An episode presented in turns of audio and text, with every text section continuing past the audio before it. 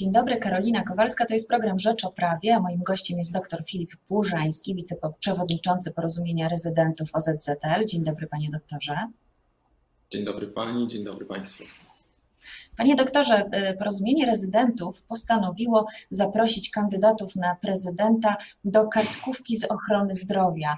Y, czy w programach wyborczych y, nic nie ma na ten temat? Wydaje się, że to teraz jest bardzo nośny i, i chyba najważniejszy z tematów.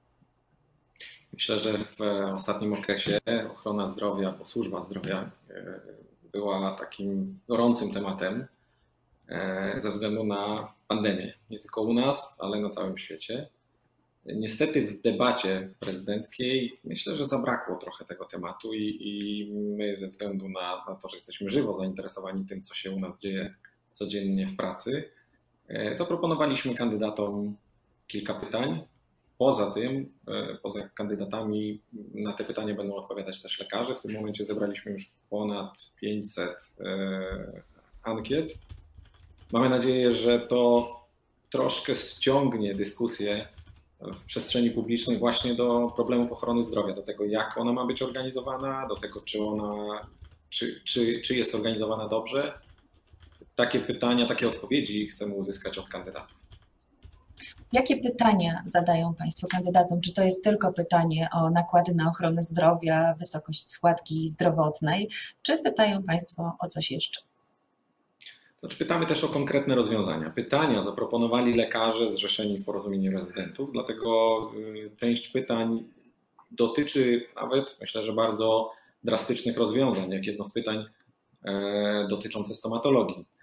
Y, czekamy na wyniki ankiety, bo y, poczekamy do początku czerwca, liczymy na to, że wypowie się jak najwięcej osób. I mamy nadzieję, że te pytania nie tyle mm, odpowiedź na te pytania nie, od tego nie zależy kształt polskiej ochrony zdrowia na pewno, bo temat tego, jak system ochrony zdrowia powinien być zorganizowany, jest tematem bardzo, bardzo szerokim i bardzo skomplikowanym, co zresztą widać na całym świecie, bo e, mimo tego, że e, patrzymy przez pryzmat tego, co się dzieje u nas na, na systemy ochrony zdrowia, to wiemy też, że systemy dużo bogatsze, dużo lepiej zorganizowane też, też niestety nie radziły sobie E, z, tym, z tą pandemią. No, na całym świecie tak naprawdę cały czas ta, ta pandemia się pali, tak? I cały czas e, nie, I żaden nie jest system nie jest w stanie. Tak, dokładnie. Żaden, żaden system, system, nie jest w stanie, zabezpieczyć się tak przed, przeciwko temu wirusowi. No zobaczymy, co przynoszą, przyniosą następne e, miesiące. Miejmy nadzieję, że miesiące, a nie lata. Mm, I zobaczymy. No, na razie liczymy na to, że uda nam się tą dyskusję do przestrzeni publicznej y, z powrotem y, sprowadzić i, i ochrona zdrowia będzie takim tematem, y, o którym kandydaci na prezydenta nie będą się obawiali mówić. Będą chcieli mówić i będą wiedzieli, co powiedzieć. Bo rzeczywiście w programach kandydatów tej ochrony zdrowia zabrakło. To znaczy nie we wszystkich. Liczę na to, że w przeciągu najbliższych kilku tygodni te, te programy będą bogatsze E, o właśnie ochronę zdrowia. Nie mówię o, o, o, tym, że ich w ogóle zabrakło w dyskusji, ale nie mamy, wielu kandydatów do tej pory nie przedstawiło konkretów, na to liczymy. E, jeden ze studentów e, z województwa dolnośląskiego zaproponował opracowanie wszystkich programów i rzeczywiście na chwilę obecną mamy chyba tylko trzech kandydatów, którzy bardziej szczegółowo mm, opisali projekty czy, czy swoje zdanie na temat polskiej ochrony zdrowia. Którzy to kandydaci? Myślę, że to mało. To mało. E, Którzy z nich? Szymon Hołownia, on też deklarował e, przez jakiś czas, no też e, była taka sytuacja, w której myślę, że my nie zrozumieliśmy, my jako porozumienie rezydentów nie zrozumieliśmy do, końca niefortunnego sformułowania. W, pan, pan Hołownia zaproponował oddawanie, czyli zwracanie do studia medyczne, na co my oczywiście nie możemy się zgodzić, bo uważamy, że bylibyśmy e, wtedy źle traktowani. To znaczy, Okazało się, że rzeczywiście. Student, żeby lekarz zwracał. Żeby student państwu... w przyszłości, tak, po, po zakończeniu studiów zwracał Państwu za, za te studia, które, których, z których korzystał wcześniej. E, na to się nie, oczywiście nie możemy zgodzić, ale potem się okazało, że rzeczywiście był, było to niefortunne sformułowanie na jednej ze stron. Zostało to wyjaśnione, zupełnie nie o to chodziło, więc no, mamy nadzieję, Czyli Szymon Hołownia miał co innego na myśli. Co miał na myśli? Co innego na myśli. Chodziło, przynajmniej tak zrozumieliśmy, że chodziło o wsparcie. Myślę, liczę na to, że pan Szymon Hołownia będzie mógł nam odpowiedzieć na to osobiście, bo na razie dostaliśmy odpowiedź z Komitetu Wyborczego i rzeczywiście Komitet Wyborczy bardzo się broni, że nie chodziło o to, tylko chodziło o wsparcie studentów, żeby mogli w prostszy sposób studiować, czyli na przykład, żeby dostawali kredyt wcześniej. Ale myślę, że takie rozwiązania no, należy wprowadzać. Zobaczymy, co ta dyskusja pokaże. A co z innymi kandydatami? Kto jeszcze odrobił lekcje, jeśli chodzi o program y, przemian w ochronie zdrowia, czy w ogóle program wyborczy dotyczący tej bardzo ważnej przecież sfery życia? No właśnie pod tym względem y, jest dosyć ubogo. Poza tym jest pan doktor Kosiniak-Kamysz, który też w swoim programie szczegółowo opisuje, mm, szczegółowo. Dodajmy to, lekarz, są to założenia. Prawda? Tak, tak. Dlatego mówię właśnie pan doktor. Opisuje założenia mm, programu ochrony zdrowia. Dlatego liczymy w tym miejscu, liczymy, dostaliśmy też deklarację od e, Komitetu Wyborczego, że e, będą chcieli z nami rozmawiać, będą chcieli odpowiadać na te pytania.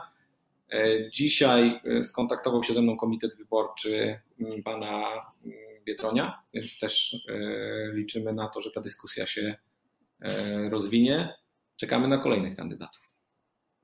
Panie doktorze, powiedział Pan, że mm, drastyczne jest pytanie dotyczące stomatologii. Co to za pytanie?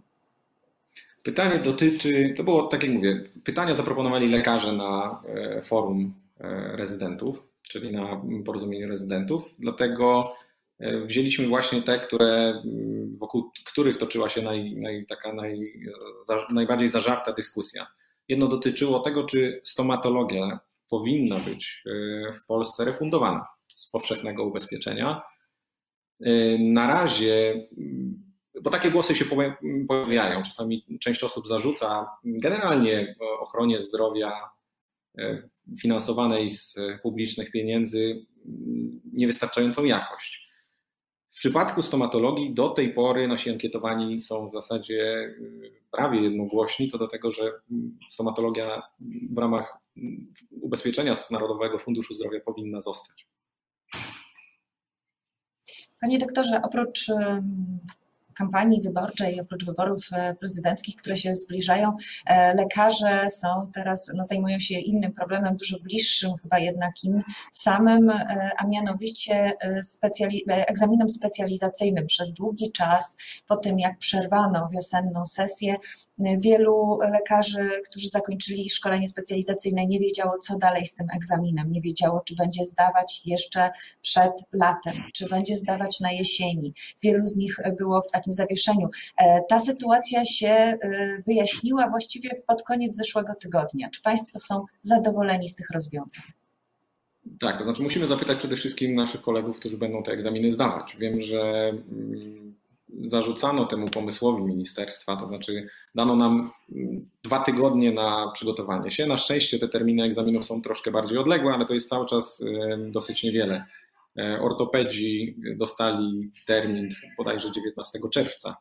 I największym problemem chyba w tym rozwiązaniu, bo tu nie chodzi o, o kwestię tego, czy ktoś umie, przygotował się do tego egzaminu, bo większość osób przygotowywała się bardzo pilnie do tego, żeby go zdawać już w marcu tego roku, ale chodzi bardziej o organizację życia wokół tego, dlatego że proszę sobie wyobrazić, my cały czas pracujemy i teraz po y, informacji z ministerstwa mówiącej o tym, że te egzaminy się odbędą, należało zrezygnować z dyżurów, bo, bo po prostu wiele osób cały czas pracuje bez przerwy. I proszę mi wierzyć, mimo tego, że większość e, albo część opinii publicznej uważa, że śpimy na dyżurach, to nie śpimy i nie dość, że nie da się na tym dyżurze spać, to na pewno nie da się na nim uczyć do tak dużego i tak poważnego egzaminu, jakim jest państwowy egzamin specjalizacyjny. Dlatego myślę, że część osób e, uważała, że to, to, to zawieszenie, ten brak informacji był dużo, e, dużo gorszy niż e, sam konkretny termin egzaminu. Zobaczymy po egzaminach. Mam, ja głęboko wierzę w to, że ci koledzy, którzy przygotowywali się do tego egzaminu, na pewno przygotowywali się rzetelnie i myślę, że to będzie jednak egzamin, który dla nich skończy się sukcesem. No i myślę, że dla nas, bo, bo i dla pacjentów, którzy na tych specjalistów czekają cały czas, bo kolejki nie są krótsze. Choćby ze względu na rezydentów Porozumienie Rezydentów i Komisja Młodych do Spraw Młodych Lekarzy przy Naczelnej Radzie Lekarskiej rozmawiała z, wice, z wiceministrem Cieszyńskim, z Ministerstwem Zdrowia na temat tego, co zrobić z tym egzaminem. Padały różne propozycje, czy przeprowadzenie tego egzaminu jednak e, w czerwcu i tak krótki czas do, do nauki to jest optymalne? Czy Państwo są zadowoleni z takiego rozwiązania?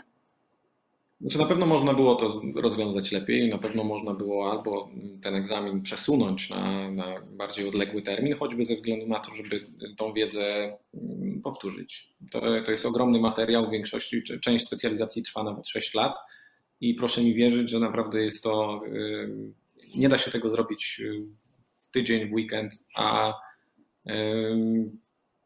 to też nie jest tak, że mm, ludzie się w ogóle nie uczyli, tak? Uczymy się przez całe 6 lat specjalizacji. Jednak y, egzamin jest egzaminem, ten egzamin jest egzaminem bardzo trudnym i bardzo wymagającym, dlatego musimy być dobrze przygotowani, bo od tego zależą stopnie na tym y, egzaminie.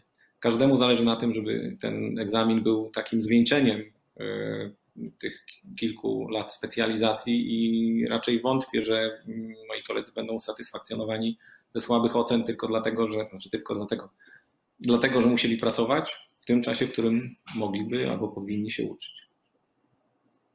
W przypadku niektórych specjalizacji zrezygnowano z części ustnej. Już wiadomo, że na przykład patomorfologia e, będzie tylko testowa. Co z innymi większymi egzaminami, takimi jak egzamin dla e, lekarzy rodzinnych czy też internistów?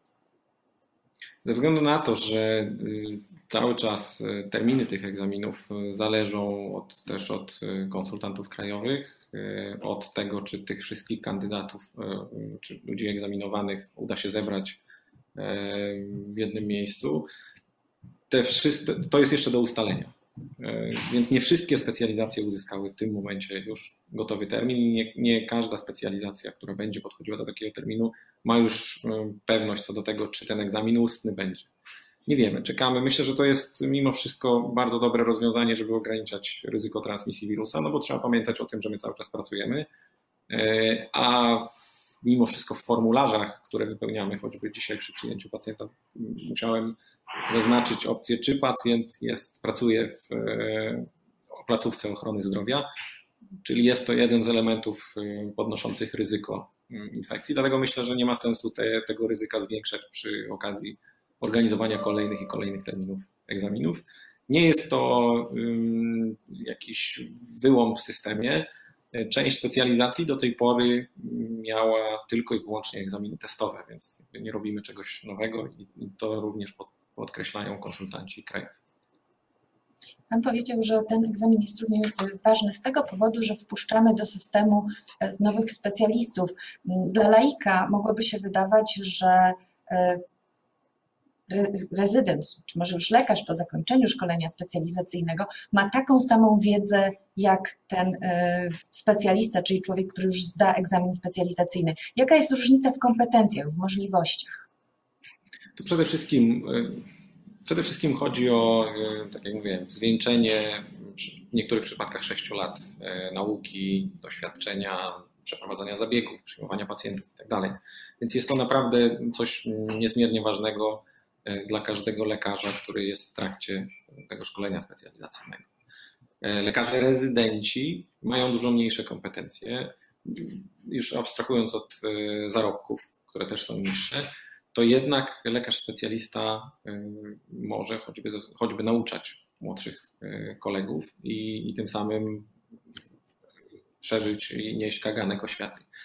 Ale przede wszystkim chodzi o wymagania, jakie stawia Narodowy Fundusz Zdrowia pod względem na przykład porad y, ambulatoryjnej opieki specjalistycznej albo organizacji zabiegów już w oddziałach szpitalnych takie wymagania. Rozumiem, że... Każdy z oddziałów, kontrakt na przykład z Narodowym Funduszem Zdrowia wymaga tego, żeby zatrudniać tych specjalistów.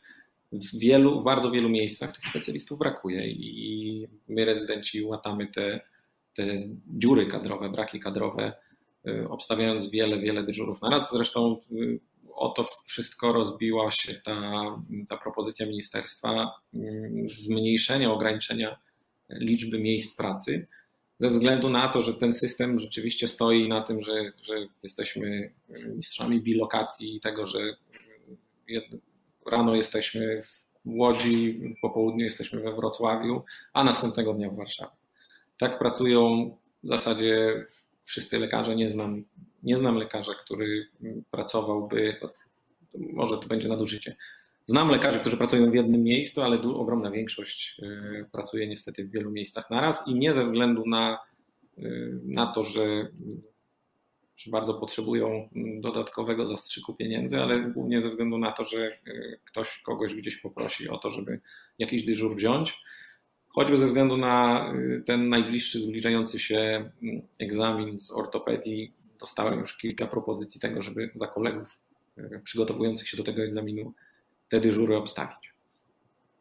Rozumiem, że to będą e, gorące najbliższe cztery tygodnie, bo to zdaje się za cztery tygodnie. E, panie doktorze, bardzo dziękuję za rozmowę i no, życzyłabym e, porozumieniu rezydentów i nam wszystkim, żeby jednak wszyscy kandydaci na prezydenta zrobili tą kartkówkę, zdali tą kartkówkę z ochrony zdrowia i mam nadzieję, że jak najszybciej dowiemy się, jakie mają propozycje dla lekarzy i dla pacjentów. Dziękuję bardzo. Dziękuję serdecznie, dzięki.